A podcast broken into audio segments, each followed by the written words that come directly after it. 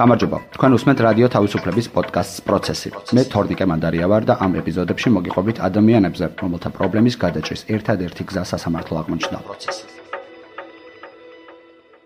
დღევანდელ ეპიზოდში როგორ ამხილა ნინიამ უფროსი სამსახურში სექსუალურ შევიწროვებაზე. როცა 25 წლის ნინია კუტალია გრაფიკული დიზაინერის ვაკანსიაზე სივის აგზავნი და ვერც წარმოიდგენდა რომ სამსახურში აქამდე უცნობ ემოციებს განიცდიდა. გასაუბრებამ კარგად ჩაიარა. ნინია სამსახურში აიყვანეს. ყველაფერი ამოყირავდა მაშინ, როცა კომპანიის ხელმძღვანელმა დენიელ იუსეფმა ნინია ახალ ოფისში გადაიყვანა. პირველივე დღიდან დანიელმა ღიად დაიწყო საუბარი ჩემი თანდასწრებით მის სექსუალური ცხოვრების შესახებ და ყოველთვის ცდილობდა ჩემს ჩათრევას ამ საუბრებში, კითხვებით ჩემი ცხოვრების შესახებ, ძალიან ინტიმურ დეტალებს მეკითხებდა, რაზეც უარს იღებდა, მაგრამ ყოველთვის თვითონ მაინც აგრძელებდა ამ საუბრებს. იყო ფაქტები, როცა მეძახდა თავის ოთახში და კარს ყოველთვის კეტავდა შიგნიდან.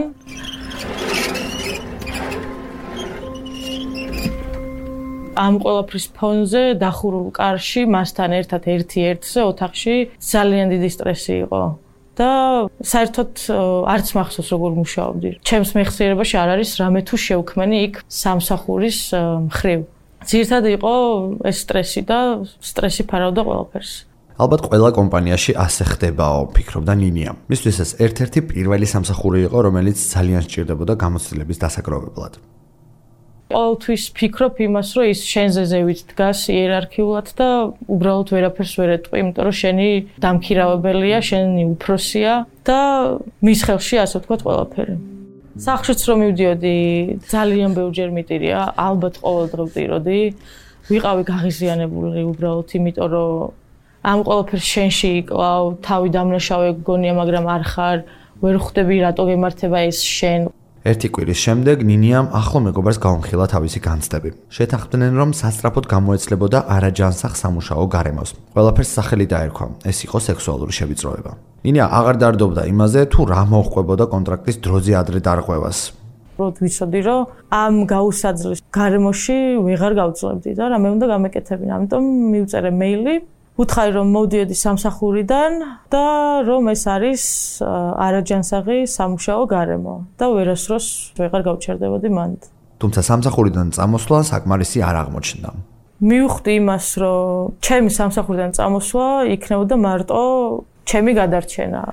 და მომავალშიც გოგოებს ალბათ ესე მოიქცეოდა. ამიტომ ბევრი ფიქრის შედეგად და ჩემ მეგობართან ლაპარაკის შედეგად მივედით იმ დასკვნამდე, რომ სამართლებრივადაც რამე უნდა გვექნა.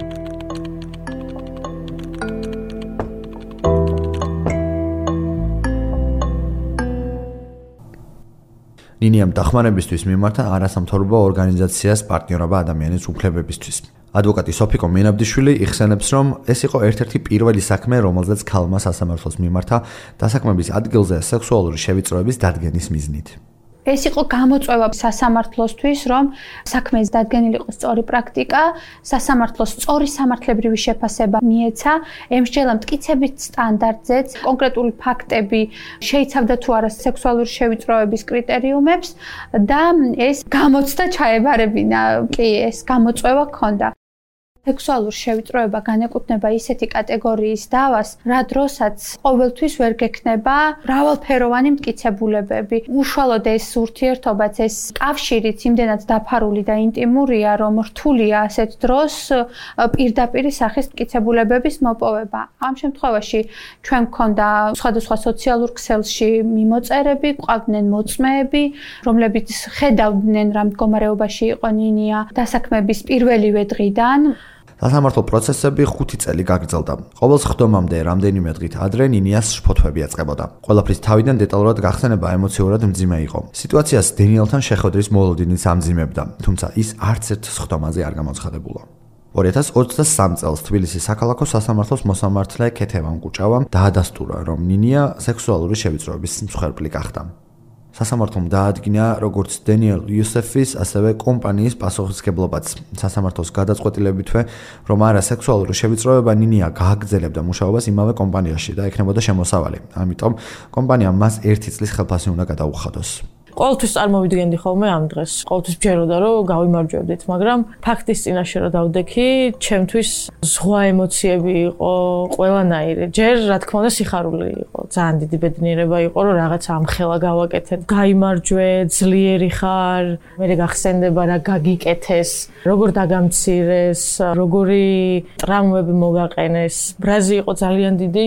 მის მიმართ შიშიც გამარჯვება. უბრალოდ მოწყვეტილი ვიყავ, აი ვერაფერს ვერ ვაკეთებდი ფიზიკურად, რამდენიმე საათი ალბათ იატაკზე ვეგდე და ვტიროდი. მახსენდება ერთი მომენტი სასამართლოში, როდესაც მოსამართლემ კითხა ხომ არ ხარ თანახმა მორიგებაზე. ნინიამ თქვა, რომ მე ეს ბრძოლა არ დამიწყია იმისთვის, რომ რაღაც კონკრეტულ თანხაზე ვიღაცას მოვურიგდე და ეს საქმე ასე დამთავრდეს. ეს ბრძოლა დავიწყე იმისთვის, რომ მეც ვიგრძნო რეაბილიტაცია და ვიყო მაგალითი სხვა ქალებისთვის. თავარია დაიჯერო შენი თავის, რომ არ ხარ შენ რაღაცაში დამნაშავე. ეს ყველაფერი შენ გამო არ ხდება და რომ არსებობენ ადამიანები, ვინც უბრალოდ აი ესე ძალდობენ შენზე და არ უნდა შეგეშინდეს.